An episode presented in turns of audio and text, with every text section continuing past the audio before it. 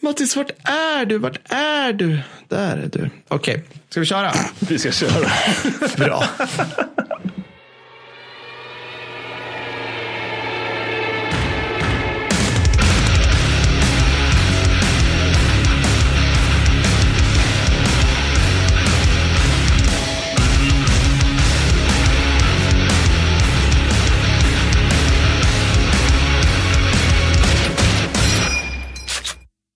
Och hågutår, underbara patrons och ni alla ni andra lyssnare. Vi sitter här i sommarunderbar inspelning. Jag vet inte om ni ser det här fantastiska täcket jag har i bakgrunden. Jag är inne på sista semesterveckan, så jag är sinnessjukt dräggig, Mattis. Det är gott att höra. Jag har den här lilla, lilla liksom hinnan av så här, jag duschar en gång i veckan svetten och Ja, typ det. så här, dricker öl det. över tid. Den, eh, typ så. Så det, är känns väldigt, fantastiskt. Väldigt klassisk eh, sommarkänsla. Ja. Är det liksom eventuellt det som är småbarnspappakänslan sådär när, man har börjat liksom koppla ner lite grann? Jag tror det på något vis. Alltså man är så här, jag förstår ju folk som blir liksom, alltså det här dadbod, jag förstår var det kommer ifrån. För att man rör sig ändå rätt mycket hela tiden. Alltså man måste typ lyfta bort barn så att de inte typ kastar sig handlöst ner från saker. Man måste typ ordna saker. Så man rör sig, så man, man blir liksom inte tjock. Men man Nej. blir heller inte smal och så dricker man öl och så får man lite mage. Och så typ det enda man orkar träna är så här, jag vill må bra träning, det vill säga typ biceps. Jag, jag, har ju, jag har gjort folk oerhört aggressiva när, när jag efter första halvåret med min son konstaterade jag har gått ner 10 kilo. Ja. Men jag tror vissa gör det. Jag tror vissa, ja, ja, ja. Ja, men vi, vi är hippies och vi hade honom i bärsjal också. Så att, eh, jag, ja, det är så jävla hipstrigt alltså. Ja, men det är det. det, är det. Men det är också ja. väldigt praktiskt. Han sov, sov som en liten stock i det. Men så jag var uppe och gick med honom fem timmar varje natt. Det tror jag nämnt någon gång. Ja. Och, men just det att man gör ju hela tiden en liten knärörelse. Liksom. Så jag kom tillbaka till vårt dåvarande jobb och en kollega bara, du ser mager ut. Vad fan har hänt? Så, ja, jag vet inte. Det förtjänade du. Det har du gjort bra. Ja, precis. Ja. Ja, men efter förra veckans bottenlösa travesti i varje fall, för att komma till saken, så ska vi göra något helt annat. Det här är ett ordinarie avsnitt. Mattis, har du några shoutouts? Eh, ja, det har jag. Eh, jag har det en shoutout till, den är lite sent påkommen, lite sent inlagd snarare, men eh, det är till PG.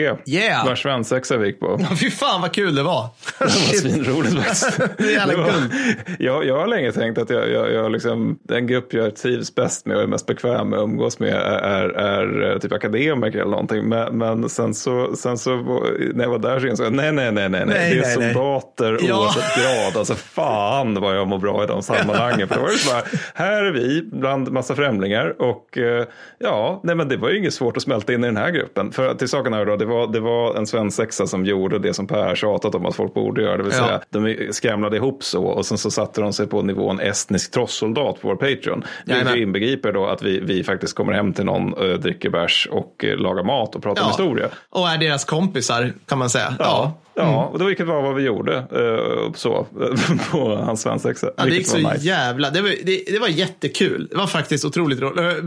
Det är sällan man förväntar sig att så här, mitt jobb går ut på att jag med typ 7-8 öl under, under västen står och tar så här, skjutinstru, eller så här, skjutinstruktioner med så här, luftpistol på ölburkar utav en de facto typ eh, eldhandvapenexpert från Försvarsmakten. Det var helt... Nej, det jag så- bara, det här är så här bra kan man bara inte ha.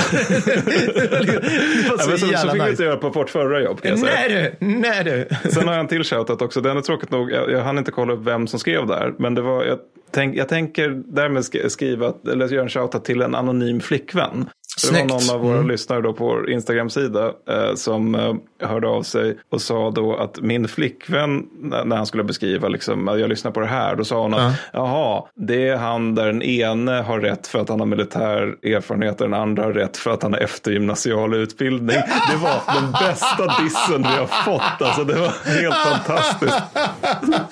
Alltså, det, Ja, vad ska jag säga? Så Ja, anonym flick, ja. flickvän, shoutout till dig. ja, stor shoutout. Fy fan vad roligt. Alltså, då, och då, precis. Per, kan du berätta hur det var i Afghanistan? Ja, jag var i Afghanistan en gång så jag ska lägga ut så här. Och Mattis med så här svårartat så här äh, icke-akademik, eller förakt för mugglare, eller vad heter de i? de som inte är renrasiga trollkonstnärer. Ja, vad roligt. Ja, fy fan. Alltså, det är det man glömmer bort med Harry Potter, vilka nazister trollkarlarna Ja. är. Det ska vi prata om någon dag. Alltså, Ja, det- Lite nazister, men de är fascister åtminstone. De är fascister. De, har, de, de ser ju ju icke-trollkarlar som lägre stående varelser. Mm. Liksom, alltså, det är ju någon sån här bisats, nu, nu spårar det här redan med en gång, men ja, ja, det är någon det. bisats i någon av de böckerna där det är någon sån här liten gullig tant som säger att ja, men den här personens bror, han råkade döda några mugglare, liksom, det blev en Ja. grej. Bara, äh, det är ju också människor om man ska vara ja. jättepetig. Liksom. Men, ja, men, men nog om, om J.K. Rowlings fascism då. Men, men, över till dina shoutouts. Ja, absolut. Eh, jag har en shoutout till Gabriel på Twitter som just nu verkar vara i Salzburg och stryker runt på Konrad von Hötzendorfstrasse. Stor ära, Gabriel. Svinkul. Jag har ingen aning vad han gör i Österrike, men, men det är roligt. Så han, tar, han har tagit massa bilder och taggat in oss där. Ah, här är, här är Konrad von Hötzendorfstrasse i nordostlig riktning. Och det ser ut som precis vilken tråkig centraleuropeisk gata som helst. Men det, är, det, Just det, just måste ju vara, alltså jag, jag tänker mig att bakom de här, bakom portarna, fasaderna, den här dåligt lagda asfalten så döljer sig Mm. horder av inkompetens, glädjeflickor och humidorer och konjak. Ja, det kan ja, inte vara något gud, annat. och storslagna planer. Ja, så jättekul, Gabriel, att du delar det med oss. Fantastiskt roligt, Ja, tycker jag. Mm. väldigt, väldigt roligt. Men idag, vad är det vi ska prata om? Vi ska prata om slagskepp.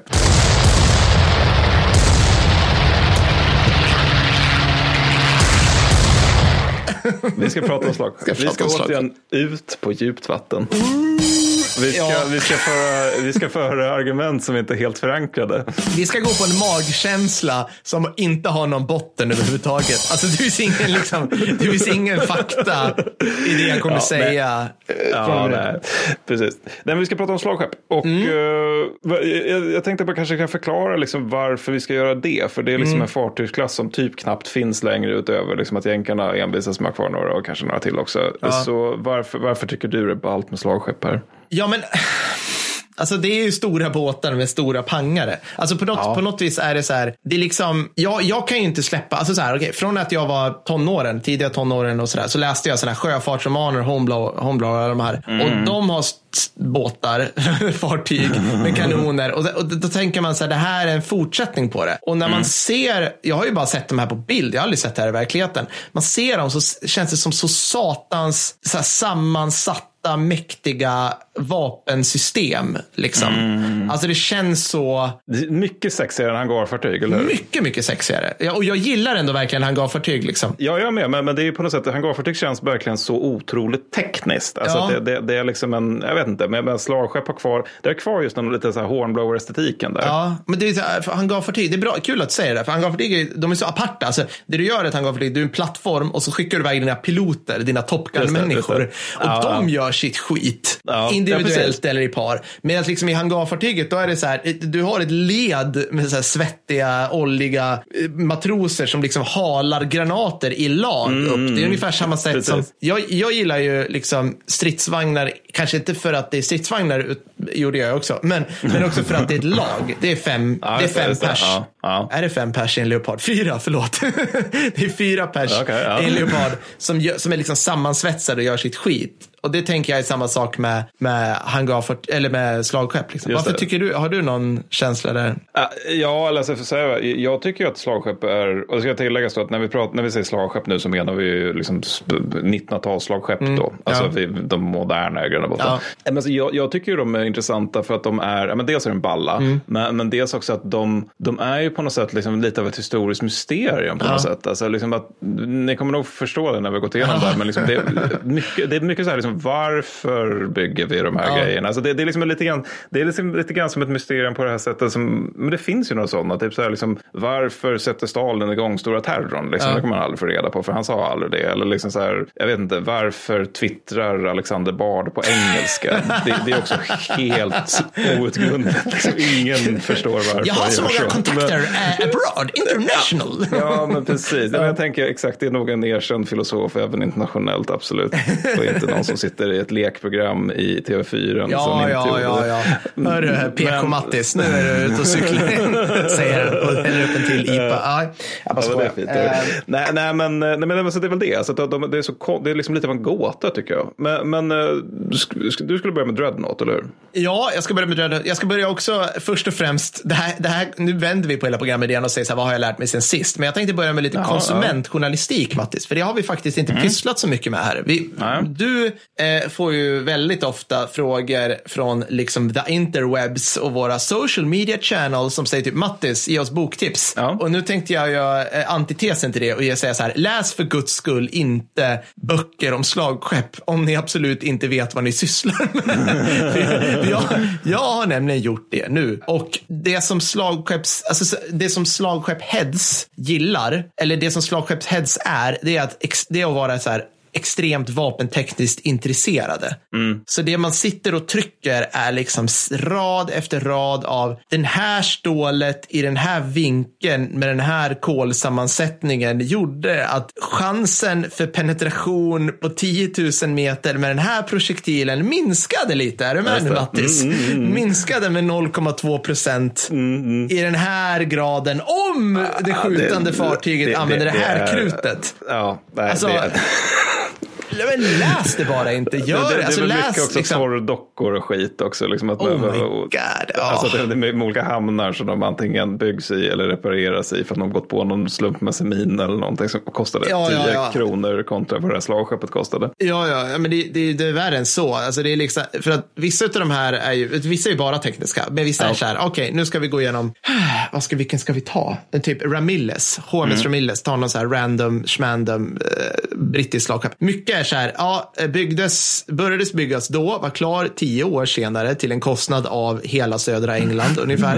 eh, och gick så här, det, kriget, och då anar man så här, nu börjar andra världskriget, nu mm. jävlar grabbar, nu är det, nu är det hö liksom. Ut, Homefleet, patrullerar, följer konvojer, är för långsam för konvojerna, åker in, halvtidsmodifieras, kommer tillbaka igen 1942. Ja. Eh, åker ut för att leta efter en tysk slagkryssare, mm. hittar den inte.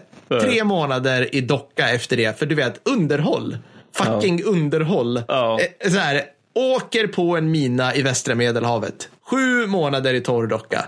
Alltså, alltså, ja, det, det, är så, det är så tråkigt att det blir roligt. Ja. Alltså, när, när jag, jag läste också en bok som heter bara Rakt av slagskepp inför det här. Så, ja. som, som, som, jag tror du läste den också. Skriven av några ryssar. Och det är ju liksom bara katalogiseringar av vilka slagskepp som vilka länder har under, eh, liksom under 1900-talet. Det är otroligt tråkig läsning. Det, brukar, det är intressant att läsa om de slagskepp som, när man läser om typ sjökrigföring eller Stilla havskriget mm. eller någonting, där de får vara en del av större system. Exakt. Eller snarare hur de inte Exakt. är en del av större system ofta. Ja. Men ja, nej, men det är bra konsumentinformation. Ja, jag vill bara, jag vill bara ha det sagt. Och sen, det är också så här en grej som man, jag kan, de slutsatser man kan dra över det här, att man, det ser ju så jävla imponerande ut. Du har till exempel, alltså du har pansar som är tjocka tjockare än liksom typ det här huset jag sitter i. Alltså det, ja, jag, jag ja. kommer inte ihåg vad Yamato har just nu spontant. Jo, de har, om de har 650 millimeter frontpansar på sina torn. 650 millimeter. Det är typ så här. Ja, tror korrekt. Jag. Jag 65 centimeter har jag skrivit ner här. Ja. Nej, men det, ja, det är jättemycket. Det är jättemycket. Uh, ja. Och då är det så här att... Då har en T34 typ så 76 millimeter eller någonting. Alltså det, uh, det är ju... Precis. Nej, men typ så. Och, och då är det så här att då tänker man, ja men det här jävla slag slagskeppet är osänkbart. Jo, men slagskepp har så jävla mycket pryttlar som också är mer eller mindre vitala för det den ska göra, mm. men som sitter helt oskyddade. Så att typ så här, det, man läser hur mycket som helst att typ så här, eh, Tirpitz gav sig i strid med den och den, typ brittiska kryssaren, mm. tog x antal träffar av dess lätta artilleri, men varav en slog ut den här vitala avståndsmätaren på B-tornet eller något. Och helt plötsligt är Tirpitz en så här 42 000 ton tung värdelös båt som inte kan träffa mer än 2000 meter ut. Alltså det är så... Ja, nej, men jag håller med. Det, det, är väldigt intressant just för att det, de är ju stora sjödjur men de är väldigt mycket mer ömtåliga än vad man kan tro. Jag skulle tänka mig att de också mycket mer, eller det kommer vi snarare prata om lite senare, ja. men de, de var också mer ömtåliga än vad man trodde under vid tiden, alltså vad man trodde under världskrigen. För, för liksom, då såg man ju bara det där med, med vad sa du, 46 centimeters pansar. Ja, ja. 6, eh, 40, ja precis. Ja. Mm. Och då, då, då såg man ju det och tänkte att ja men då så, då är det väl lugnt. Och sen så kom det så här Ja. tråkigheter med typ plan. Vi ska återkomma till, Ja. till det. Vi ska återkomma till det. Eh, Men ja, Dreadnought. Men Dreadnought, yes. Okej, så att HMS Dreadnought sjösattes 1906 och det, det, man måste säga skiftet från typ, om vi tar en klassisk pre-dreadnought, eller vi, vi går till och med lite längre tillbaka, vi har varit inne på Hornblar. Så jag tänkte säga så här att, alltså hela den här vapentekniska utvecklingen är hypersnabb. Alltså som man ser liksom hur slagskepp, det vi, det vi idag kallar slagskepp, gick tills att det tog slut. Alltså det, det är en sån pytteliten parentes i världshistorien. Ja, verkligen. Ja, mm. Så liksom, man gick ifrån eh, USS Monitor under det amerikanska inbördeskriget. Ja, fy fan. Vilket var en flytande gjutjärnsugn som man hade sett kanoner på. Det var 1860 Just och på mindre än 100 år så går du från det till liksom när typ jag vet inte, vi- när USS Iowa eller HMS Vanguard sjösätts liksom på 40-talet. Det är, inte, det, är, det är knappt 80 år, mindre än 80 år. Och där tar det slut. Så att, så att det går ohyggligt fort den här tiden. Och innan Monitor, ja men då var det så här 76 gun off the line, fyrmastad, så här liksom, skonerter och fregatter. Och så här. Ja, men så här, Monitor sågs ju som väldigt cool för sin tid. För att Oh ja, ja. Vaxholms kastell, du vet, ute i, i Stockholms skärgård. Ja, ja. Det var, det, efter att man har byggt det, vilket är liksom ganska bra exempel på svenska fuck-ups, vilket vi ska ha en Mm. podd om någon dag. Eh, Det är ju typ så här helikopter 14 är väl. Men, Mm. men eh, då, då är, eh, då, lagom till att man är färdig med det så börjar det dyka upp just monitorer då. Och då, då är Mm. det en grej som anses så pass farlig att man lägger till liksom en hel grej, en hel byggnation som man kallar för pansarbatteriet som bara ska ha lågskjutande ka- kanoner för att komma åt just Mm. monitorer. Så de var ju också svincoola för sin tid. Men det är ju Ja. ingenting i jämförelse med en dreadnought. Trots att det, det, ja, ungefär så. Nej men precis, så att, så att eh, ma, ma, monitorerna dök upp och sen strax efter det så började man liksom bygga saker helt i stål. Och för Man upptäckte att det här är det vi måste gå ut. Så det här, sen kommer en konstig tid där du ser, liksom, du ser slagskepp som har stora skovelhjul på sidorna och mastar och består av trä och stål. Och har kanontorn och har kanonportar. Alltså det, det är så helt, det, ja, men det, det är typ som om någon har byggt ihop en Lamborghini med en med ett Volvo Amazon satt på Monster Truck däck. Alltså det ser helt bananas ut. Ja. Men så det här fortsatte då upp och sen någonstans runt ja, men 1906 då, så, så skiftet mellan USS Texas, men jag, jag tar en klassisk pre-dreadnought, USS Texas som sjösattes precis slutet på 1800-talet och HMS Dreadnought, den brittiska då. Alltså det var lite grann som att gå från så här, tänk dig den här tidiga 2000 Sony Ericsson smartphone. Kommer du ihåg dem Mattis? Alltså de, Ja, ja, visst. Det, mm. de få som hade dem, alltså de, de kunde vara på internet och de kunde ta bilder och de, alltså de hade alla funktionerna men de var så här svårt yxiga liksom. Ja. Och så kanske det var att Sony Ericsson, den hade det och sen hade Nokia den funktionen. Mm. Och sen hade, vad, ja, vad fan hette de? Eh, någon annan tillverkade just den funktionen som man ville ha. Och sen kom iPhone. Just det, just det. Och då ja. var det någon som bara så här, jag tar alla de här och så sätter jag ihop dem i en relativt så här, användarvänlig liten Mm. Som också ser snygg ut. eh, Precis som, som också ser, precis. Så att, så att tittar ni på USS Texas, då kommer ni bara så här, den har en massa spröt överallt. Och massa typ så här, det, det är liksom, det är som att det har gått en, en liksom slags evolution i det. Alltså det ser ut, vi ser fortfarande av, alltså resterna av master som skulle bära segel. Mm, just, det, just det, det är också väldigt roligt. Typ som att du och jag har en svanskota, Mattis. Ja, men du vet vad jag menar. Liksom. Alltså så här, en darwinistisk utveckling. Medan liksom med, med Dreadnought, då var det så här, hörni, vi skippar allt sånt där skit. Just. Nu, nu bygger vi, liksom, eh, nu, nu tänker vi från början. Och det släppte de och den var utklassade fucking allt. Ett exempel var att den gick mycket snabbare för att Ja. den hade då ångturbiner eller något sånt där. Mm. Och att den hade bara stora pangare på sig. Just det, de, de, de, de skippade medeltunga pjäser. De skippade massa. Tydligen var det så att de, slagskeppen innan, de hade liksom det här är vårt svåra artilleri och sen har vi massa liksom olika andra typer utav art, alltså så här, Mm. är massa, vi sätter bara så mycket pangare på vi kan. liksom Akans och hela skiten. Medan liksom Dreadnought hade, liksom, de fokuserade då tyngden på de stora kanonerna helt enkelt. Och det är ganska roligt då, för att eh, du nämnde det här med kapprustning och snabb utveckling. En rolig grej med Dreadnought, det är att den är helt obsolet, typ till 1912-1914. Så ej Ja, längre exakt. sjövärdig. Alltså att Nej, det, är bara nej. så här, det är en sån abborre i jämförelse med hajar mot liksom den, den tidens då moderna.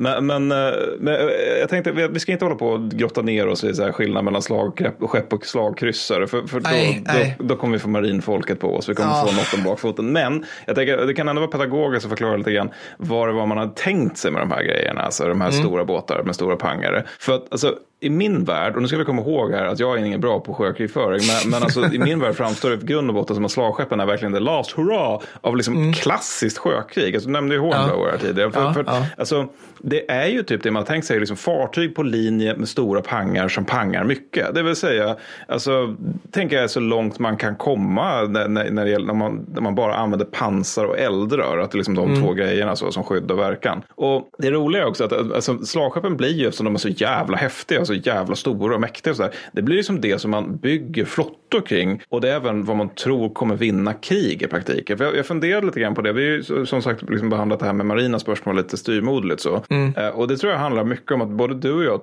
precis som alla killar, tycker att taktik och operationer är roligare än strategi. Ja. Men, men det är ju mm. liksom att en flotta är ju på något sätt en strategisk resurs på nästan mer än vad en armé är. För att alltså en armé kommer, det kommer svårt att strypa ut Europa Europas mattillförsel med en armé. Mm. Men det kan du ju göra med flotta. Ja. Så att det är liksom en strategisk resurs, men strategi är också mycket tråkigare. Men det är också det som, alltså det är marina eller flottorna som vinner världskrigen ja. i alla praktiska hänseenden. Ja, ja precis. Och jag menar, och det, det, är en strategisk resurs även i fredstid. Och det, nu, nu svär jag väl verkligen i kyrkan i, i en krigsstorypodd. Men, men det var ju det liksom typ så här, nu, nu börjar indierna trilskas lite här. Då kunde liksom Churchill som marinminister så här. Ladies and gentlemen, permit me. Mm, vi skickar dit HMS Dreadnought och HMS Warrior och de får bara hänga i Bombays hamn. There is no place in heaven for you. Och typ bara We can't have heaven cram. Vad det kommer vara nog liksom? Eh, ja, liksom, det höll på sådär. De, man, alltså, jag får ju, alltså, det, det, är en extremt avancerad, över liksom, decennier lång global kukmätning på mångt och ja, mycket ja, som man håller på med. Liksom. Precis, men, och samtidigt är det också då så intressant liksom, hur det, det är ju liksom på något sätt, jag såg någon jämföra det här med liksom, den tidens kärnvapen. Yeah. Alltså att det är någonting som mäktiga stater bygger och som man liksom, ska avgöra krig ja. och så verkligen skiter sig. Men det är också så intressant hur, hur lite alltså det här kan ju vara utifrån min okunskap om, om sånt där. Men jag tycker ändå det, det är så lite som skiljer det från typ 1600-talskrig, flottkrigföring utöver att man har gjort mer. Och sen har man liksom behov av kolstationer och sånt där också. Men, men, men det, det som är mest intressant med de här grejerna är egentligen hur dyra de var. För att alltså, ja. det, det, det, finns ju de som har hävdat att det är delanledning till att första världskriget överhuvudtaget bryter ut. Eller snarare att det blir så här, ökade spänningar i Europa. Och det hävdar de med goda skäl. Det är ju liksom så här, tyskarna och britterna börjar tävla om vem som kan ja. ha flest slagskepp. Eh, Obs, ja. vinner här. Och det är liksom nästan på walkover känns som. Men, men det är liksom att alla ska ha de här. Alla vill ha slagskepp och slagkryssare in, inför första världskriget. Och ja. jag menar verkligen alla. För att alltså Argentina och Brasilien har ju alltså, slagskepp vid den här tiden. Alltså jag älskar, det är, liksom, det är liksom Brasilien som vid den här tiden är liksom, du har en gata uppbyggda hus bakom Copacabana och sen börjar det liksom tät djungel. Där liksom tar, går du tio meter in, då kommer en jävla pygmé och skjuter en så här curare-pil i röven på dig. Liksom, alltså, här slutar allmän väg för all framtid. Liksom. Alltså, det vill säga marginellt sämre än vad Brasilien är idag. Jag vill bara ha det sagt också. Men liksom, ja. Nej, men alltså, det, är så roligt. Alltså, det finns en statsvetare som heter Mary Calder som har skrivit flera väldigt, väldigt intressanta böcker. Uh, och hon har skrivit en som heter Den barocka arsenalen. Uh, ah, bland annat. Ja. Och, och den, den handlar typ om, alltså den har frågeställningen varför, eh, hur kommer det sig att liksom u-länder i stil, stil med, med typ så Brasilien och Ryssland och Sydafrika ja. under apartheidtiden skaffar sig, eller Indien, Pakistan, skaffar sig eh, kärnvapen eller hangarfartyg. För att det är mm. så oerhört dyra, oerhört komplexa vapensystem som i båda fallen inte kommer användas. Alltså, Okej, okay, hangarfartygen kanske används om det skulle bli krig, men kärnvapen kommer man liksom inte använda även om det skorpar till sig eftersom det bör över för alla. Ja. Liksom. Ingen kommer använda det. Så varför gör man det då? Och hennes eh, poäng utöver deterrence, det är ju att just eftersom det är stora, dyra och komplexa vapensystem så är det liksom att man med detta, och här tror jag även gäller för slagskepp, med detta visar att vi som nation kan någonting. Vi Exakt. kan göra någonting stort och häftigt tillsammans. Liksom, titta, vi är en makt att räkna med. Mm. Och det tänker jag är orsaken till varför, varför liksom, även så hattifnattsländer skaffar sig idag kärnvapen och på den här tiden då slagskepp. Alltså att det är så här coolt nationellt projekt. projekt. Ja, Men problemet är att det är så ett jävla dyrt projekt också. alltså under första världskriget är ju tyska och brittiska flottan så jävla dyra att de inte går att använda. Nej. Alltså det, det är liksom, vi var inne på det i vårt stora vecko 1-avsnitt, men, men det är liksom det här klassiska att Jellicoe var den enda man i Storbritannien som kunde förlora hela kriget på en, en eftermiddag i grund och botten. Ja. Genom att helt enkelt förlora eh, brittiska flottan framförallt ett slagskepp som de är så jävla dyra. Så det Ja. går typ inte att ersätta, det tar flera år att bygga dem. Och då har vi då sen tyska högsjöflottans största insats under första världskriget, vilket är att vinna taktiskt vid Skagerrak 1916, vilket leder till precis noll strategiskt, utöver då att de ligger i hamn i resten av kriget, vilket leder till den stora resultaten av det här, det vill säga att besättningsmännen är så jävla uttråkade 1918 att de gör revolution i Kiel, vilket sen blir tyska revolutionen. Och sen slutar, först, och sen slutar första världskriget. Så, så ja. Ja. slagskeppen har en betydelse, men, men, eller vadå? Eller liksom det, de har det, men det kanske inte riktigt som tyskarna tänkte sig, liksom, att vi bara spärrar in de här unga männen i stålfarkoster i fyra år och sen blir de sura. Liksom. Sen blir de förbannade. Nej, men jag, jag, ex, jag, tror, jag tror hon har någonting på spåret där med The Baroque Arsenal. För alltså, mångt och mycket när man läser om slagskepp så får man också känslan av att så här, men hur, alltså bygger ni det bara för att de andra byggde det? Men om du bygger det, då kommer ju de bygga det. Så att, och det, det där tyckte jag var, alltså så här, på något vis, och det här nu kommer vi in på Washington-traktatet som är intressant i sig. Det är väldigt härligt. Och det här trodde jag aldrig att jag skulle säga, att ett jävla Nej. traktat. Och nu blir det väldigt lite krig och väldigt tråkigt. Så det här kan ni hoppa över. Vi börjar tio, spola fram tio minuter. Nej, men, Eller så är det lite talande när det gäller slagskepp hur, lite Ja. krig det blir. Eftersom Ja. se första världskriget, de används knappt så som det är nej, tänkt. det där var så jä... när, när, när, ni, när jag bläddrade igenom de här encyklopediska upps- böckerna om slagskepp som ni inte ska läsa, kära lyssnare. Ja. Då var det verkligen så här, använde sig, alltså, första världskriget använde sig.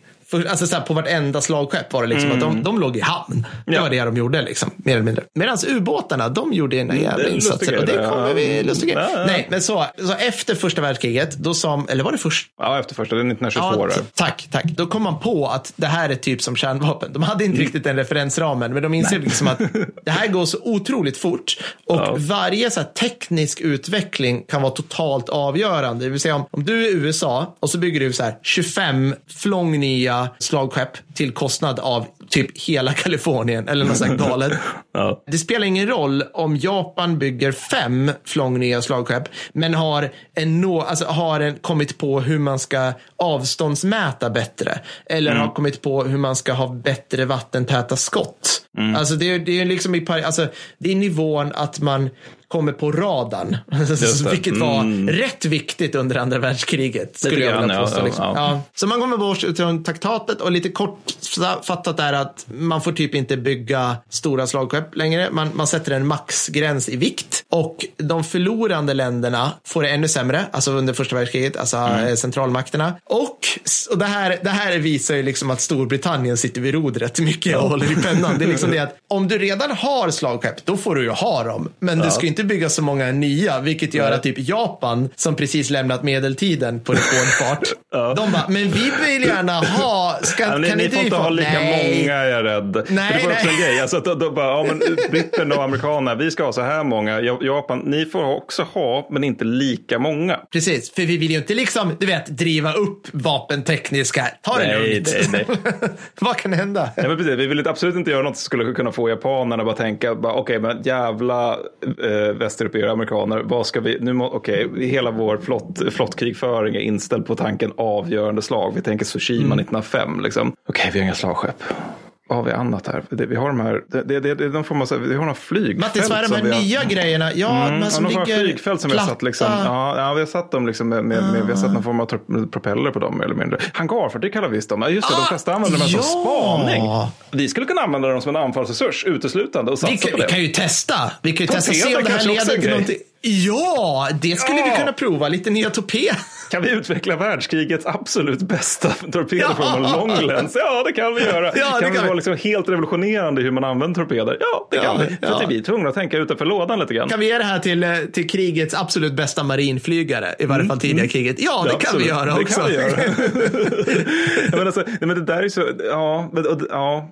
Det, någon dag ska vi fan ha en så här eh, podd också om traktat som inte har funkat. För jag menar, japanerna skiter ju i det här på 30-talet. Alltså, Ah, ja. det, det, det, det är så roligt det där också. För att det enda det här gör med andra ord, eftersom de skiter i det på 30-talet, det är att eh, Washington Naval Treaty, eller traktatet, det leder ju till liksom att japanerna blir bättre på sjökrigföring för att de måste tänka om. Och de blir surare på västvärlden, vilket säkert inte får några oförutsedda konsekvenser. Mm, absolut inga, absolut inga alls. Och jag menar, det, det kan ju också göra en bra grej av det här kan göra att Hitler stirrar sig blind på att få bygga obegränsade slagskepp. Vilket gör att han sen då inte inser att han istället för att bygga de här sinnessjuka fallossymbolerna, PK-Per, i, i, liksom, i Bismarck och Tirpitz, som vi ska resonera lite grann om här strax, så bygg, alltså, han skulle ha skitit i dem och kunnat bygga så här 30 ubåtar till och Ja, vips visst, hade han vunnit slaget om Atlanten, möjligtvis. Alltså, I'm just saying. Ja, men alltså, grejen är att britterna och tyskarna kommer 1935 fram till att tyskarna ska få ha en flotta som motsvarar en tredjedel av den brittiska. För att innan det så var det Versailles-fördragsregler som gäller. Liksom, och då, då, då är det ju liksom att tyskarna får bara ha en flotta som består av pre-dreadnought-fartyg, vilket är ju lite av en hämsko. liksom. Ekor med bronskanoner i Ja, jämförelse. ungefär så. Ungefär så. Nej, men, och, och de får max av 15 000 man i flottan, inklusive liksom, kustartillerister och ad- administrativ Ja. personal. Liksom, så det är ju inte så mycket. Men jag tänker, det här känns ju som ett mästerdrag av britterna, just av den orsak du säger. Liksom, att man bara, ja, ni får bara ha en tredjedel så många slagskepp som oss, ni får inte bygga fler. Hitler bara, får jag alltså bygga slagskepp? Ja, Ja. då gör jag det. Och sen så Ja. står väl liksom döende, så pojkarna bara, vi har ubåtar också, så vi skulle bara, äh, nej! Det, så jag tänker, mä- mästerdrag av britterna. Men, men, men Mein Führer, de här, de här, Mein Führer, de här ubåtarna som faktiskt gjorde svidbra saker under första världskriget. Ja. Nej, helt ointressant. Nej, det, det ska vi inte ha. Men vi har gjort mycket bättre ubåtar. Nej, nej, nej, nej, nej, nej, okej, nej, nej, det har säkert ingen effekt på Nej, krigsutgången. men absolut inte. Men, och det, för det, det är just att det, det är ju ett mästerdrag av britterna. Jag undrar om de förstod det Ja. med tiden. Förmodligen Jag tror inte. inte det.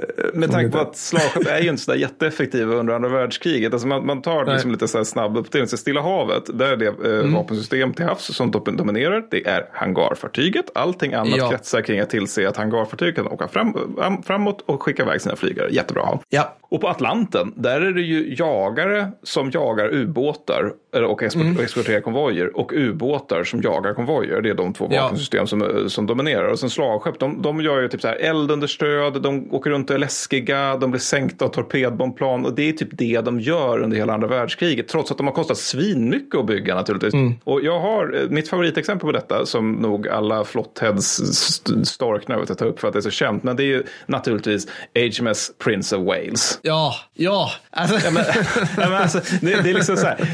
För den som inte känner, Skrytbyggets eh, undergång kan man ja, väl men det är säga. Eller, det. Ja. alltså, det, det, det. För den som inte känner till det så. Det, det kom ju förut en tv-serie i somras som heter The Singapore Grip. Som är Eh, som är skitdålig för Jag övrigt. tyckte, jag tyckte det var helt okej på en punkt. Alltså det, det är ju Ja. skolboksexempel på, på så här, o, eh, liksom, regissören har inget förtroende för tittaren i liksom, vilka känslor som försöker förmedlas. Men en grej som Nej. fångades där, det var den här helt perversa stämningen i Singapore och Hongkong innan japanerna kommer. Det är sant. Det är sant. Ja, Mm. för att i Singapore 1941 då är det så här, barerna och bion är fullsatt. Japanerna står liksom på det rena landstiget. Och mer eller mindre. Mm. ja, man, man, man säger till brittisk skytte att Nej, men alltså, ni behöver inte oroa er för japanskt skytte. För att de, är nämligen, de har ju liksom avsmalnade sneda ögon så. Så att det gör att de kan inte se på natten. De kan Nej, inte göra precis. det. Nej, de, är, precis. de är undermänniskor. De är Ja. närmare apor än oss kan man säga. Det Det- faktiskt det- ja. delvis uttryckligen det man sa. Men, men, men också det är liksom lite olyckligt att man säger det om en armé som specialiseras på nattanfall och är väldigt duktiga Mm. på just slåss i mörker. Men ja, så kan det ju vara. Men oavsett, så det är den här ganska loja stämningen där japanska imperiet, hoppsan hejsan är krig med det brittiska imperiet. Så i samband med japanernas angrepp där mot Singapore 41, då vimsar bland annat då HMS Prince of Wales, vilket är brittiska flottans stol- stolthet, Mm. och slagkryssaren Repulse ut. Sista meddelandet från hamn är ett av de bästa grejerna som har skrivits på engelska. För det sista de får höra ombord på HMS Prince of Wales det är Regret Fighter Escort Impossible. Så det blev inga jaktflyg. Det var ju tråkigt. Sån regret. Regret. Ja. Ja, men så, och, Ja. och resultatet av det här utvimsandet då, som de gör då, det är är att eh, japanerna förlorar eh, totalt fyra stycken eh, flygplan som totalförstörs och ett antal skadas också. Britterna, de förlorar eh, ett slagskepp i form av HMS Prince of Wales och en slagkryssare i form av Repulse. Plus fyra jagare. Allt detta sker 10 december 1941. Och orsak till det här då det är att japanerna återigen var ju tvungna med det där med att tänka utanför lådan. Så de använder ju landbaserat bomb och torped, torpedbombflyg som bara gör slarv, slarvsynta av de här jättestora jätteballa båtarna mm. med jättestora pangar. Och här får man ju säga att japanerna är ganska kostnadseffektiva. För att alltså, det, det, det som upp, man upptäcker här då, 41 lite senkommet, det är ju att flygstridskrafter har ju betydligt längre aktionsradie än, än slagskeppens eldrör. Och vid den här tiden mm. så har slagskeppen också så här riktigt jävla ink inkompetent luftvärn, eller impotent snarare luftvärn. Ja. Och med, medan flyg, flygplanen kommer liksom med ja, långlans återigen, som är liksom en jävla chipkiller ifall man får en kyss med mm. den. Så det är otroligt kostnadseffektivt. Och det är liksom här, här, här borde man ju på något sätt inse att slagskeppens tid är nog ute om det någonsin har varit. Ja, ja men precis. Och, alltså slagskeppen som, som liksom premiärminister och presidenter och, och kungar och annat diktatorer sitter runt i världen och tänker, det är ju så här, okej, okay, vi, har, vi, vi, har nu Prince of Wales och vi har eh, Yamato och vi har Bismarck och, och liknande. Och de är oersättliga. Mm. De tar så lång tid att bygga och de är så, kost, alltså, de är så dyra och de är så komplexa så att vi kan typ inte förlora dem. Mm. Alltså så här, och det, det, det, blir en slags sjuk logik i det här för att de används heller. Alltså det finns till exempel, det finns exempel på, framförallt i Medelhavet, där liksom det ligger flång nya äh, slagskepp. Nu tittar jag på er italienare som mm. bara så här, vi hänger i hamn för att vi ska inte riskera det här för att vi kan vara en fleeting being, alltså så här en, en flotta som, vi ska bygga en flotta kring de här, så då kan vi inte riskera dem. Men då blir det som att typ aldrig använda damen i schack. Förstår du? Mm. Det blir lite så här. Får jag, bara, får jag bara säga, britterna gör ju en, eh, en rolig grej då, då eh, sen. Och det här är ju ett år innan, i november 1940 så sätter de ju, ja men liksom, där sätter de ju också spiken i kistan för slagskepp. När du har, du har, ett, du har den italienska flottbasen, Reggio Marina, eh, Taranto. Alltså det här blir så bra. De har, alltså så här, är det någonting italienarna gör så är det att göra saker snygga. Så de har byggt några av liksom, alltså, historiens snyggaste slagskepp i Littorio och Venezio, Venezio Marino. Uh, skitsamma. Heter Vittorio Veneto-klassen? Tack, tack. Vittorio Veneto-klassen. Ja. Och så har du, den, en heter Vittorio Veneto, en, en annan heter eh, Littorio tror jag. Och de ah, mm. ligger då i Taranto och britterna bara, okej, okay, vi, vi ska anfalla de här nu. Vi tänker anfalla oss. Ja, men okej, okay, hur då? Ska vi gå på med jagare, fregatter, jagare, fregatter? Ska vi försöka hitta ett slagskepp? Nej, nej, vi har ju, vi har ju Royal Air Arm, Royal Fleet Air Arm. Vilka är det då? Jo, det är de här 20 äh, stycken, bokstavligt talat 20 stycken på det här urgamla hangarfartyget. Swordfish torpedbombplanen. Menar ni de här planen som typ var utdaterade när här, sena boerkriget? ja, alltså, de är, alltså, de är, de är liksom, tänk er Röda Baronens flygplan, så är ni mm. ungefär där. Alltså, de, de hålls ihop av snöre, tyg, och det, nu pratar vi tyg, då är det sådana här, du vet, canvas bags som du tar med dig och handlar med Matti. Så den liksom tyg. och de, de drivs fram av så här, goda förhoppningar, pilotens ginstinkande andedräkt, solsken, kan bara flyga i nedförsbacke. Maxfart, en stadig jogg ungefär. Mm. Över det. Liksom det går så fruktansvärt långsamt. Och det, det blir så här typiskt som det vi har pratat om, så här specialförbands fuck-ups och sådana grejer. Mm. Liksom, de gör ett nattanfall, tolv plan lyfter, en får ont i huvudet, vänder tillbaka, en får mekaniskt fel, vänder, någon flyger vilse. Till slut är de åtta plan, kommer in där i stadiga 50 kilometer i timmen.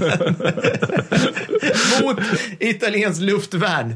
Ja. Vad händer Mattis? Hur många skjuter de ner? Uh, det är italienare, så att, jag vet, ja, det, ja det, det, säg, säg, hälften då, bara för skojs skull. Uh, typ en skjuter de ner. Ja, jag vet. Så att, så att de släpper sina torpeder som inte ja. är bäst i världen. Nej. Men just för, att, just för att torpeder är shipkillers, som du ja. sa, och för att slagskepp är ute, så sätter Så liksom, jag tror att Littorio slagskepp som alltså är värt, säg 7000 Swordfish bombplan. Eller Mm. liksom flygplan. De spränger upp något så här 24, så galet så här 24 meters hål på den. Det här är så den sätter sig på marken, på botten där. Och sen, sen eh, sätter de hål på två andra äldre fartyg. Det är också kostnadseffektivt som man säger. Det är också svink och, och jag ska också då säga att det var ju japanska marinattachéer som gav sig fan på att eh, alltså, geschwint ta sig dit och fråga ut italienarna hur det här gick till. Just. Ja. Ja, ja, mm. För Taranto, precis som Pearl Harbor, är en, en grundhamn. Men det, det vill jag ha sagt här, liksom att det som hände, alltså, nu, nu ska vi inte dra för höga växlar, utan Taranto, alltså Littorio, det slagskeppet, det reparerade de inom fyra månader. Sen var den igång. Men bara faktumet att du kan sätta ett sånt här extremt kostsamt vapensystem ur spel i så lång, fyra månader är lång tid om du håller på med ett världskrig. Det är väldigt, väldigt långt. Ja, precis. Ja, ja, ja verkligen. Och bara liksom man tänker liksom hur mycket, de- här män- männen då som håller på och lagar det här fartyget då, de gör ju inte något annat. Nej. Så det är liksom en enorm allokeringsförlust också av, för Italiens del, ganska begränsad arbetsstyrka i grund och botten så, som man Ja. ser till med att använda de här, jag förstod det som koleldade dubbeldäckare där som angrep, Ja, vad det ja. vad det var. Alltså, typ pilot, eller liksom andre piloten där bakom, han satt och vevade motorn. Alltså så här. Och du vet, hans närskydd var liksom en Wembley-revolver. Pang! Det var liksom... Ah, pang! Liksom. Kan vi få höra Rule Britannia?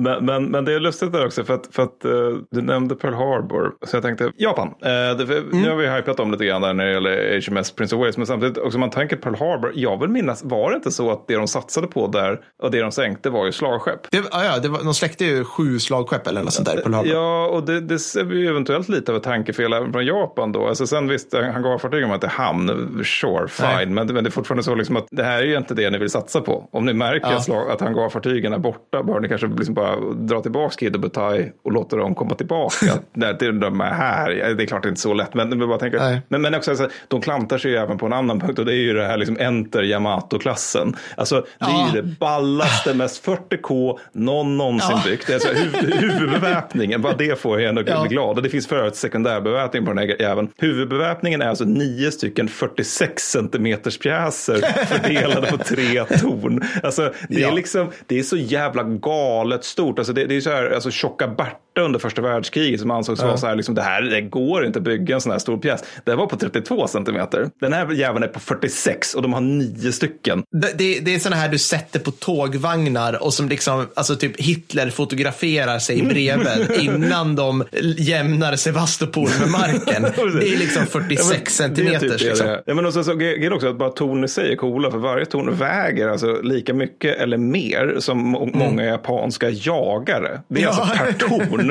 Och, och då, så, vad händer då när man avfyrar ett av de här tornen? Jo, det finns en klar risk för att människor dödas eller skadas om de står för nära under eldgivning. Ja. Och då var det för en gång skulle så att japanerna inte prövade det de brukade pröva, det vill säga att vi sätter kineser här och ser vad som händer. Nej, precis. Utan eh, lyssna på förra avsnittet, Patreon Exklusiva, för att få mer elände om kineser och japaner. Ja, fy fan. Eller lyssna inte. Ja, det är nej, väldigt det blir ganska grimdark. Ja. Men, men skitsamma. Eh, Så för en gång skulle gjorde de inte det, utan det de gjorde var att de tog smågnagare och ställde dem i burar bredvid Mm. de här tornen bara för att kolla vad händer. Sen gav man eld och det som händer är att de här smågnagarna, hamstrar och skit, de atomiseras. Alltså de exploderar av trycket från de här kanonerna. Ja. Sen då, som du beskrev, frontalpansar på 65 centimeter, deplacement på 72 000 ton, ja. Längd på Tusen 260 ton. Ja, det är så jävla mycket. Det är så Längd- sjukt långt. det var alltså längd på 263 meter och en besättning på fucking 3300 man. Mm. Alltså, När jag var liten och växte upp i den här hippie-communityn som heter Järna, alltså Mm. det finns icke-antroposofer där också, så jag var en av dem. Det, jag vill minnas att Järna hade en befolkning på 4000 då, så det man tar, tänker liksom att ska, liksom, majoriteten av Järna, den byn, får liksom vara i ett fartyg Ja. och sen bara stäva ut med salt och kvarn under, under rodret. Äntligen. Och det här ses ju liksom som, som krigsavgörande av japanerna. Så de tänker sig återigen den här stora Tsushima-fighten, liksom stort avgörande Mm. slag. Och, och så att det där var liksom några ingenjörer som hade slarvat lite med opsäcken kring ritningarna på ett av Yamatos, alltså skepp, slagskeppet, jag bara Yamato Yamatos torn då. Det var typ att man, de hade blivit av med någon ritning som visade någon liten del av tornen. Så där. Då Okej. var liksom, straffet var att de plockades in av Kempetai, torterades. Och sen så var Ja. det liksom, efter det torterade man lite till bara för att kolla om de var spioner. Alltså först var straffet Ja. tortyr och sen så var det liksom uppföljande utfrågningen också då. Och då kan man då fråga sig, de här jättecoola sjömonstren som japanerna byggde, Mm. liksom, återigen 72 000 fucking ton. Användningsområde under andra världskriget. Ja, till att börja med så var de eh, måltavla för allierat hangarfartygsbaserat fly, eh, flyg. Och Ja. det var väl framförallt det då. Sen sekundäruppgiften var att ligga i hamn. Mm. Triäruppgiften var att ta ovärdeliga oljeresurser från hangarfartyg då naturligtvis, eller drivmedelsresurser snarare. Och Yamato då, det fartyget, hon fick vid Okinawa 1945 order om att citat strida ärorikt till döden för att fullkomligt utplåna fiendeflottan, slutcitat. Hon lyckades med punkt ett kan man säga. Mm. Ja, ja. Sen där, hennes systerfartyg Musashi sänktes under slaget i Sib- eh, Sibuyan i samband med Leyte-Gulfen Gulfen i oktober 1944, precis som i fallet Yamato, av eh, Mm. Ja. flyg, hangarfartygsbaserat flyg då som åkte ut och eh, pangade. Alltså de fick ju åka i våg efter våg efter våg och fly, amerikanska flygare bara det är det största skit jag någonsin sett. Men det är också det är ganska bra ta, måltavla liksom. Ja. Går inte att missa, den är inte snabb. Det är liksom perfekt. Perfekt. Ja. Ja. Men sen så är det de tredje också som heter Shinano som, som liksom de började bygga på det. Men de bestämde sig efter ett tag då när kriget var igång att vi bygger om den här jäveln till hangarfartyg. Och det i sig känns ju lite grann som en hint. Alltså, att vi, vi liksom, Ja, men de kunde bara inte släppa det med, hangar, med slagskepp. Det, det, verkar, Nej. det gick bara liksom inte. De var så fast i liksom det förgångna på det vis. Men alltså, Francis, Francis Pike förklarade det där med den här manin som, som marinfolk hade för slagskepp. Att det var liksom på något sätt, alltså man, man såg på, på hangarfartyg och sånt där. Ja, men det är ju, så som vi sa i början, alltså det, det är ju flygare liksom. Det är det här fula teknikkriget liksom. Medan Ja. slagskepp, det är det här klassiska sjökriget. Alltså så, så som vi marinfolk tycker om det. Det är liksom eldrör och sen så har man liksom hög fart och så vidare. Det, det, man kan dra upp det på en fin linje. Alltså att det fanns liksom satt i väggarna verkligen så i typ alla mm, mar, marinministerier i världen med den här tiden. Att det är Ja. så sjökrig går till. Punkt. Och det var även liksom lite så här, alltså man har dolt självförtroende för de här dumma elaka flygarna som kommer och förstör allting med sina hemska flygplan. Ja, ja precis. Och det, och det är exakt så som du säger, att det fanns, alltså jag kan ge mig fan på att, alltså tar man liksom amiralerna under framförallt mellankrigstiden i, de, i alla de länder som sen skulle kriga mot varandra och så sätter man dem i, ett rum, så skulle, alltså de skulle ha så ohyggligt mycket gemensamt. Ja, ja. För alla de skulle säga så här, hörni grabbar, är det inte lite drygt när man måste hela tiden argumentera med statschefen i mitt land då, att man vill ha mer pengar för att bygga slagskepp? Ja, visst är det. Det är så satans drygt. Alltså, herregud, men hela tiden. Oh, jag håller också med. Alltså, jag har tjatat hur många gånger som helst. För du, när du byggde det slagskeppet, då var jag tvungen att bygga mitt nya. Och då byggde du det och då var jag tvungen. Och så byggde du. Och så höll de på så här. För Ja, det, det, är, så, det är så otroligt. Alltså, när man läser de här slagskeppen så här. Det, det, det här slagskeppet byggdes, inte för att liksom lösa ett, en, ett problem som då till exempel den ärorika franska staten specifikt hade. Alltså det, det fanns liksom inga kolonier som de behövde jämna med marken med 12 stycken 38 centimeters pjäser typ. Nej, nej. Utan det var ju för att tyskarna då hade byggt den här. Eller Ja. ryssarna. Alltså, Ja, visst, visst. Ja, men, ja, men jag vet, det. men, och det, det är samma dagens logik som man har under kalla kriget där när amerikanerna Ja. bara, ryssarna har 5 000 vätebomber. Mm. Vi måste nu ha 6 000. Okej, men har ni, Finns det liksom ett strategiskt behov av så här många? Nej, nej, nej. Och på ryssarna bara, vi måste ha 7 000. Vi måste Ja. ha 7 000. Vårt u-land måste måste, ha 7 nu 000. liksom offra mer säd för att bygga ytterligare 1000. Alltså, men det var ju så den, den kapprustning fungerade, lite lätt Mm. förenklat så.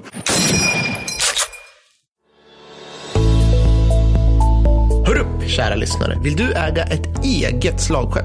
Eller åtminstone en del av det. Det är nämligen så att vi har kommit i kontakt med en herre vid namn Gösta Yamamoto. Han påstår sig vara en ättling till den välkända amiralen Isoroku Yamamoto. Nu samlar han ihop folk av rätt kaliber för att vi tillsammans ska bärga ett av superslagskeppet Mushashis torn från botten av Leitbukten. Det här kommer bli fantastiskt. Alltså, om vi alla ställer upp. Jag tänker, hur svårt kan det vara egentligen? Det handlar om ett, ja, men ett par hundra ton bara. Jag, jag tror inte det är så djupt. Mattis, du har ju redan införskaffat en snorkel och cyklops, va? Jajamän. Ah, gött! Detta kan ju alltså vara början på krigsstory poddens flotta. Mm. Skepp ohoj!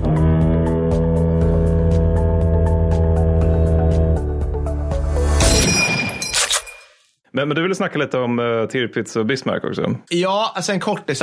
Det här är ju någonting som man stöter på ofta. Och jag, jag tänker faktiskt inte vara så, här så satans bestämd kring det här. För att det, det är en dagens logik, men det är också en logik som kanske... Så här var det. Bismarck och Tirpitz byggdes för att vara konvoj, konvoj raiders i princip. Alltså de skulle åka ut i små, små flottenheter. Och bara tillägg, det är Nazitysklands slagkryssare Ja, förlåt. Ja, ja, mm. visst. Det här är alltså Hitlers babies, liksom. Wilhelmshavens stoltheter und so weiter. Och de skulle då eh, åka ut och så skulle de sänka, sänka handelsfartyg samt binda upp Royal Navy. Och det var liksom det som var tanken. Och både, alltså, de är ju roliga för att de kommer ju hem, alltså så här, den mest framgångsrika turen som, jag vet inte, jag kommer inte ihåg vilken av dem som gjorde, det var typ så här, om det var Bismarck plus Gneisenau eller något sånt där. De var ute i Sydatlanten och "Åh, det där kommer tillbaka och så bara, shit alltså grabbar, high five. Vi har sänkt 16 stycken handelsfartyg. Kampanj. Och jag kan säga, om en, om en tysk ubåtskapten hade kommit tillbaka med bara 16 sänkta, Blek och skäggig och jävlig Ja, ja, ja. Han hade inte ens fått lägga till. Alltså, de, han, hade blivit, han hade fått en utskällning, en örfil av kontramiralen. Sen bara, bara 16. Är du ett skämt? Nu åker Du ut och sänker mer. Ja, precis. Du är en skam för fäderneslandet. Liksom. Du får inte mat eller betalt innan du sänker minst så här 25-30. Liksom. För det är faktiskt ingenting. Alltså det, alltså det är pyttel, jag, jag, kan, jag kommer inte ihåg hur många av de här jävla dunder uh, ubåtskapitenerna sänkte. Men det var liksom det var typ hundratusentals ton Mm. tonnage, handelstonnage. Men, då kan man ju fråga sig, vad, vad var poängen då? Liksom, band de upp resurser? Och ja, alltså, ja, de säger ju det. Alltså, Mm. där, till exempel så Military History Visualized på YouTube. En, en av våra general YouTube som jag tycker är okej Han oftast. är okej, han är okej. Det- Han är okej. Liksom, han säger att det förmodligen var värt det och att tyskarna liksom tyckte att det var värt det. La, la, la, om man nu ska tro på dem. Britterna har inte, så här, har inte sett någon så här utvärdering. Liksom. Och jag menar, om man ska vara ärlig så, det är klart de Tirpitz gömmer sig i Norge på ett rätt så här f- fjantigt så här Alfons-sätt uppe i fjordarna hela jävla kriget. Så, så är det det såklart mycket att göra. Liksom. Då måste de hitta den och de måste avdela jagare att liksom hålla koll på den. De måste skicka en jävla massa marinflyg som ska bomba den. Mm. Alltså, mm, jag, jag, jag köper det till viss mån, men samtidigt jag har två Mm. motargument. Det ena är liksom, det första är lite raljant, men det, jag har noterat det att när folk säger vi band fiendens resurser, det, det gör Ja. till exempel både tyskarna och de västallierade om Italienfälttåget. Det är på något sätt det man säger när man, liksom, alltså Italienfälttåget under andra världskriget, det är typ det man säger när man liksom inte kan hitta något annat av glädje och krama ur, ur ett fälttåg på något sätt. Nej, För att liksom under tiden på östfronten kan ju ryssarna säga, ja alltså sjätte armén finns inte längre. Det är bra. Nej, Precis. bra. Vi, vi har liksom en, en pågående offensiv som börjar från Kursk och inte slutar förrän vi är i Berlin och Berlin brinner. Liksom. Det, det är också så här tydligt tecken på att det händer någonting. Men just det här binda resurser, det är lite vagare. Och jag menar ur ett tyskt perspektiv också, det är så här, ja vi binder resurser, men problemet är att våra resurser är ju färre. Exakt. Det är Precis. markant fler. Och det, det Ja. gör liksom på något sätt att, ja, men, men sen det andra, det, och det här är det som jag faktiskt inte förstår. Det här förstår jag verkligen inte. Så här får någon marinmänniska höra av sig. Det är just det här med ubåtarna. För du nämnde ju det. Mm. Alltså ubåtarna under första världskriget. De är 1917, eventuellt, det finns ifrågasättande av detta, men eventuellt ganska nära att faktiskt lyckas med att strypa ut Storbritannien. Okej. Och Ja. det här vet tyskarna. De har liksom Ja. empiriskt prövat. Vi är, vad händer om vi är i krig med just specifikt Storbritannien som vi är nu under andra världskriget? Mm. Sen skickar vi ut våra vargflockar och låter dem försöka spärra av Storbritannien. Vad händer då om vi satsar på det? Det blir jävligt farligt för britterna. Mm. Ja. Och sen Ja. det andra, det är också så här, första hangarfartygen, de byggs typ 1918. Eller om det ska konverteras från typ någon så här koleldad lastprom eller någonting. Men, men det, det, det, det finns liksom primitiva proto-hangarfartyg då. Så det, det är det jag liksom har så svårt att förstå just när det gäller de här. Eventuellt, eller så är det bara Hitler, liksom. alltså att Hitler Mm. just vill ha en barockarsenal. Men just om man tänker rent liksom logiskt så känns det som att alltså skit i allting som flyter Ja. förutom ubåtar och några torpedbåtar som bara kan dra runt längs kusterna och spränga saker. Liksom. Ja, så just- för det, det, det är så, jag, jag fattar inte det just när de har den här första världskrigsempirin. Kan du förklara det här för mig? Per? Nej, nej, jag fattar inte heller. Alltså, eh, nej, jag blir bara trött. Alltså, det, det, det, enda som händer egentligen, det enda som de här slagskeppen visar upp, det är liksom hur dåliga de är på vissa saker. Och jag, jag kan ta, nu, jag går lite off topic här, jag tänker inte förklara, men, men jag, jag har en så här vapentekniskt onani som vi ska ta oss igenom här innan vi börjar närma oss slutet. Ja. Och det är just det här, en sak som man oftast inte tänker på, det är det här att för att få x antal kilo sprängämnen eller pansarpenetrerande förmåga att flyga från en jätteexplosion långt ner i ett stålrör över två mil in i ett annat fartyg genom x antal meter stål Ja. och detonera. Ja. Då krävs det väldigt mycket liksom, övrigt stål och övrig kraft liksom, som klarar det. Men att släppa samma mängd sprängämne från ett flygplan rakt ner, det, det. krävs väldigt lite stål. Vilket Ja, gör, Gravitation krävs ju i praktiken. Liksom. Ja, så, att, så det gör liksom att under hela andra världskriget så är alltid artilleribeskjutning av fartyg mot landmål extremt jävla underwhelming. Ja, just det. Alltså, mm. Det här är någonting som man, alltså, du skjuter liksom, ja, men som vi sa, Yamatos liksom. Du slungar iväg en Volvo 740 två mil, fucking epic. Mm. Om det är, en, om det är en, en spränggranat, då smäller den och det blir en explosion och ni bara, jaha, det var inte mer än så alltså grabbar. Nej, Mm. Nej, nej. nej okej. Här, Medans liksom samma mängd, alltså så här, om du släpper en ett tons eller en 740 bomb från ett flygplan. Nu ska jag berätta för er vad som hände, för det här gjorde de faktiskt.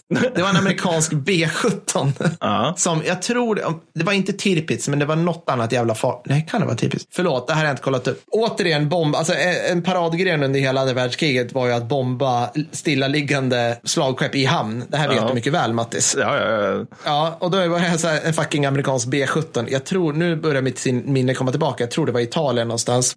Och bara, vi sänker de här för att vi har inte så mycket annat för oss. Och vi har Nej. tagit fram lite nya bomber. Säg att det här var 43, kanske 44. De släpper ett 1500 kilo bomb rakt ner från en B17. Den här går rakt igenom hela slagskeppet. Just det. Ja, det är ett Rakt problem. igenom, det är ett problem. Rakt igenom hela slagskeppet, ut genom kölen och detonerar under. Då, Alltså, ja, nej. Alltså då har du jävligt mycket pung i dina flygfällda bomber. Så att, alltså, Ja. det, det, Och jävligt mycket problem ombord på det slagskeppet. Väldigt mycket. Vi börjar Sjukt pumpa nu grabbar. ja, liksom, väldigt tråkigt. Liksom. Så Ja. att jag vill bara ha det sagt också. att liksom, Oftast så är det, om man tittade på de markmålsbeskjutningar som, var, som fungerade bäst under hela, under hela andra världskriget så var det från jagare och kryssare. För Mm. de, hade, de hade typ, de, det, var- det var liksom bättre att ha det snabbskjutande typen av artilleri det, ja. närmare så du kunde finjustera och lobba ibland än att ha det här, alltså typ så här USS Iowa som bara!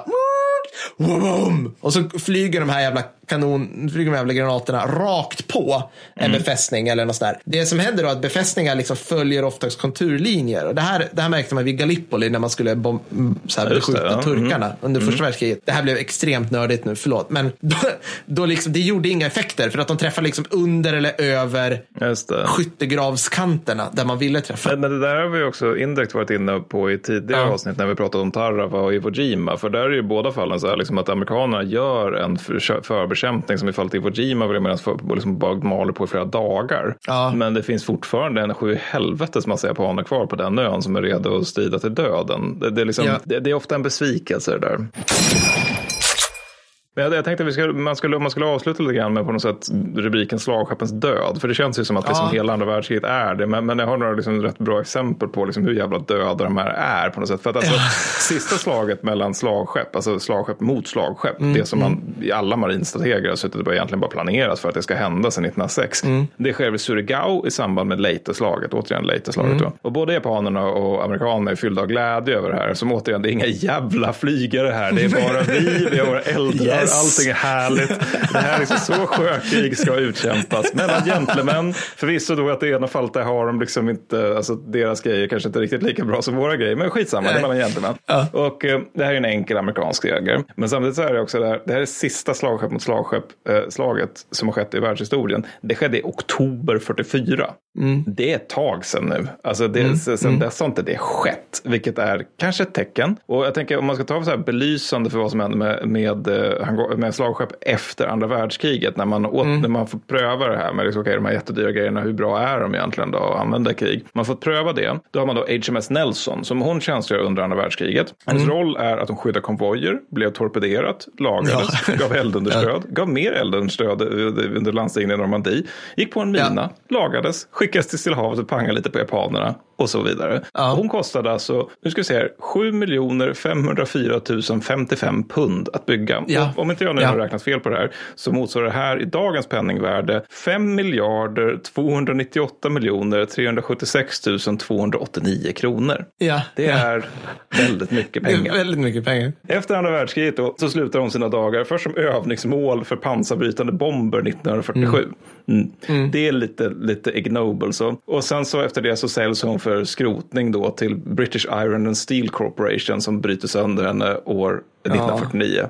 Och det är så det- det här alltså, svindyra, svincoola fartyget Ja. slutar sina dagar. Först övningsmål, sen sold for scrap. Alltså det, det Ja. är liksom, det är så, det är sånt, liksom, det, de, de här dog liksom inte with a bang, but with a whimper. Så liksom, sl- slutordet är, det är så jävla konstigt vapensystem där återigen. Mm. Alltså det, det, Alla sänker ner jättemånga pe- pengar i det. De används knappt för sin tänkta roll. Alla Mm. Nej. fortsätter att bygga dem även när det finns vapensystem som man vet kan slå ut de här jävlarna. Och Ja. återigen, på de här punkterna, så, i varje fall just det att de är konstiga, att de eh, kostar mycket och att de knappt används, så är de ju väldigt lika kärnvapen. Men också beskylla ändå att de är jävligt balla flyt, flytetyg. De är svinballa flyttyg. Och jag har faktiskt kollat upp så här, för jag tänkte Mattis, nu ska vi bli tagga till och vara lite clickbaitiga. Jag har lyssnat på andra förstås i påare som säger, som har kollat så här, vilket var det bästa, vilket var det bästa slagskeppet? Om man Ja. säger, försöker väga in allting de var ute, liksom försökte liksom handla om. Och då, då som du var tidigare inne på så pratar vi om Atlanten. Där var det relativt korta stridsavstånd för man snackar om att man aldrig hade perfekt sikt. Det är dimma och skit och sånt där. Och medan i Stilla, Stilla havet då var det liksom så här, jag ser eh, för evigt. Typ så här, vi ska skjuta så långt vi kan. Och de har vägt ihop det här och då får vi, drrr, får vi höra trumvirveln. Richelieu, ett franskt slagskepp. Marseljäsen.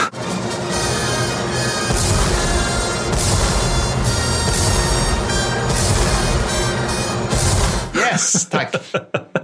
Och det här är jättekul för att eh, Richelieu lämnade aldrig hamnen i Casablanca utan bombades åt Just det. helvete. Ja, Men det var tydligen det bästa enligt, alltså man vet ju aldrig sånt här liksom. Nej, nej, nej. Men det är roligt. Jag har för övrigt, jag har för övrigt ett exempel apropå bara din Nelson där. Och det är ju, det är också så här, det här måste ha varit så himla tröttsamt för britterna. För att de beställde, det förmodligen skulle vara liksom det snävigaste slagskeppet tänkte de då. Eh, HMS Vanguard beställde de 40. Det blev klart 46. Just det. Så att det fick inte ens vara med på de här grejerna. Kostnad över 11 miljoner pund. Det. Vilket är 11 miljoner pund som britterna garanterat hade velat haft typ så här början på 50-talet eller slutet på 40-talet. Mm. kanske det, ja. Att, att basen, alltså statsfinanserna då var liksom inte så här uh, swinging 60s, Nej, nu kör vi nej. grabbar, champagne. De hade fan ransonering in på 50-talet i De ju det till typ Storbritannien. 95. Alltså det, Alltså det är så jävla dåligt. Åh. Nej men så Vanguard, Vanguard, Vanguard är cool, coola grejer för att den hade, den hade ju lärt sig lite grann så de försökte göra det bästa av situationen och förstå att okej, flyg är ett hot. Så vi tar och slänger på 75 stycken 40 millimeters eldrör.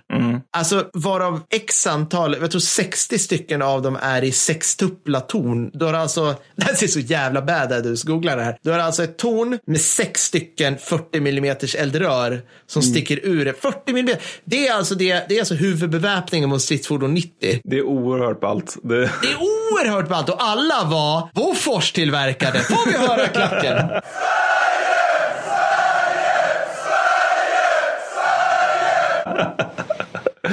Nej, jag bara gillar det. Jag tycker Ja, det är så gött. Är- Kan man inte sätta ett sånt torn på band? Liksom? Det, det skulle ju se väldigt häftigt ut. Borde, jag tycker det. Om, om ni hör med oss nu Hägglunds, snälla, make it Gör det happen. här. Gör det här. Man behöver fler eldrör. Så, att, så det var jättemånga på, jättemånga pangar, jättemånga sådana här grejer. Men den blev en ceremoniell båt så att den åkte runt i, i the Commonwealth och Mm. eh, typ så här eh, hälsade på i Brisbane. Typ, sådana här grejer.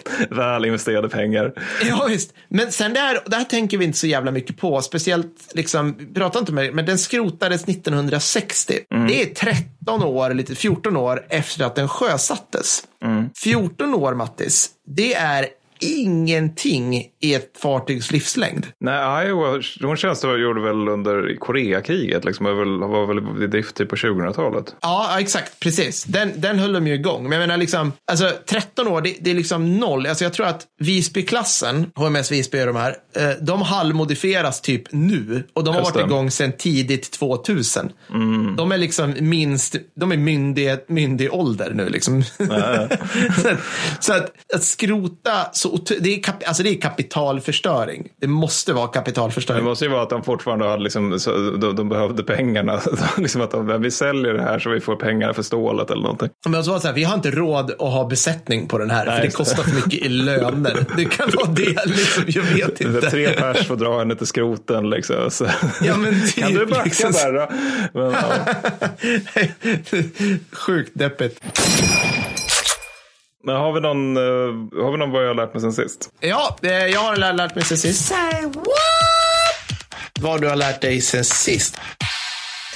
Vill, ska du börja Mattis? Ja, men jag kan börja. Okej, men det blir lite mer konsumentinformation. Grejen är att jag, jag har noterat det, för jag och jag, att alla Professor YouTube som är liksom lite så här, de mer seriösa Professor YouTube, de är ju snälla nog, till skillnad från oss förut, eh, har liksom en liten källlista så där i, i sin description. Och de som alltid dyker upp när de pratar om andra världskriget det är David M. Glantz, som är överste som håller på mycket med östfronten. Då. Och alla, alltså jag har noterat det, det är så jävla vanligt. Alltså på så här Ask Historian så håller de också på att bara prisa David M. Glantz som att det här är liksom experter med stort E på östfronten. Och det är ingen, och det ska jag ska påpeka, Ask Historians, det är, alltså, det är fan historiker av facket som sitter på Reddit och svarar på pöbels Ja. frågor. Men det är liksom så här, ingen verkar ha noterat att alltså, han är väldigt bra på sovjetiska delen av östfronten. Det blir inget bra när han, han, han ska beskriva tyska förhållanden, för då använder han ganska ofta sovjetiska källor för tyska uppgifter. Men, så, men det här visste jag sedan tidigare, så, men då tänkte jag ändå att han, han har skrivit en bok som om, heter, om Operation Mars 1942 som heter Shukovs Greatest Defeat. Och då tänkte jag, ja, men det kan vara kul att läsa om det, för det finns, finns inte så mycket skrivet om just Operation Mars. Och det här är fan första gången som en bok lyckas skjuta sig själv i foten på sida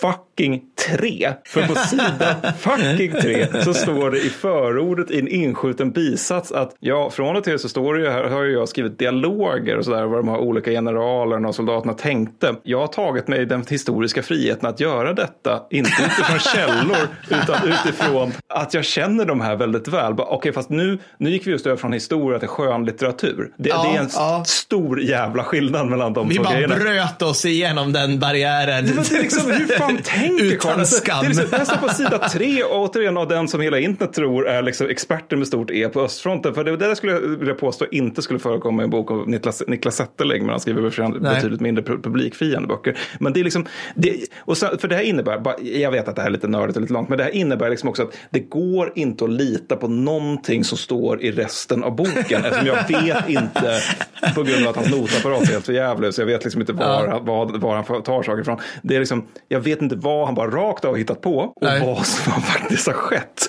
Och det, det, det är så, det är alltså fy helvete vad dålig den är.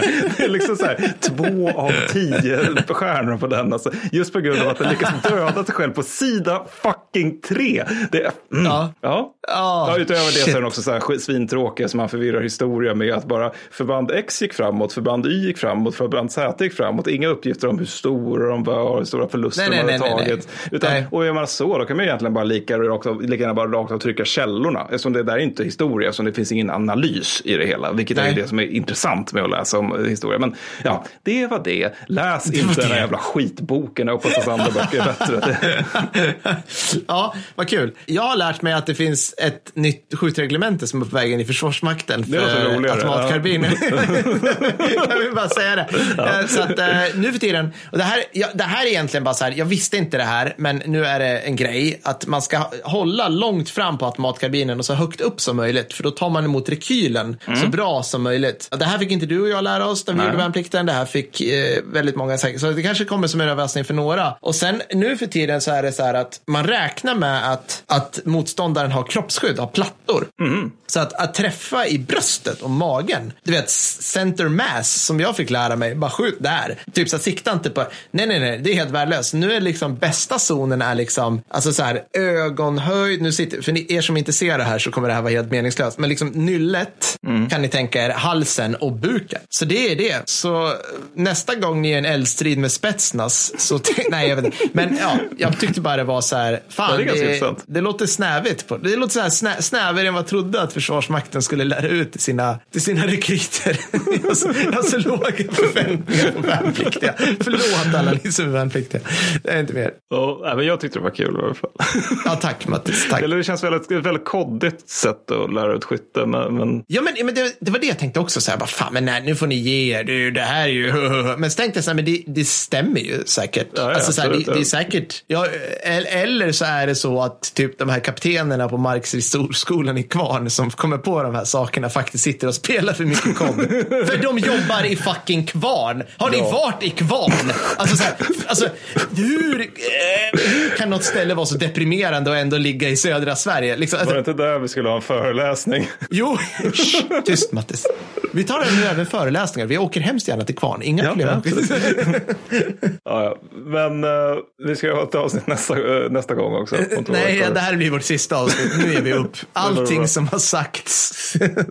Ja, eh, vad ska vi prata om då? Jag vill minnas att det är så att det är avsnitt 45 Ja, det stämmer. och att vi ska prata tillbaka till antiken igen för första gången sedan avsnitt 8. Åh herregud vad skönt. Då behöver vi inte bry oss om källor. Då är det bara freebase. Jag, jag har faktiskt några av det bara- som är källor i bokhyllan. Jag tänkte läsa. Tacitus. Det är så. Ja, vi ska snyggt. prata om barbarerna. Ja, äntligen. Mm. Vi pratar inte om AIK-klacken, eller ja, så jag klipp det där. Oh. Fotbollsfolket är väldigt känsliga. Oavsett. Nej, Ja. men det, vi, vi ska prata om barbarerna, vi ska prata om Roms fiender, vi ska prata om alla de här andra, de som inte är Rom. Eh, Jag tror det kan, kan bli svinroligt faktiskt. Alltså mest för att jag tror att folk vet fasen ingenting om cherusker och chatti och allt vad fasen de här olika stammarna heter. Eller typ sassnider, vad är det för någonting? Eller skiter och traker eller daker och krakenspektakel.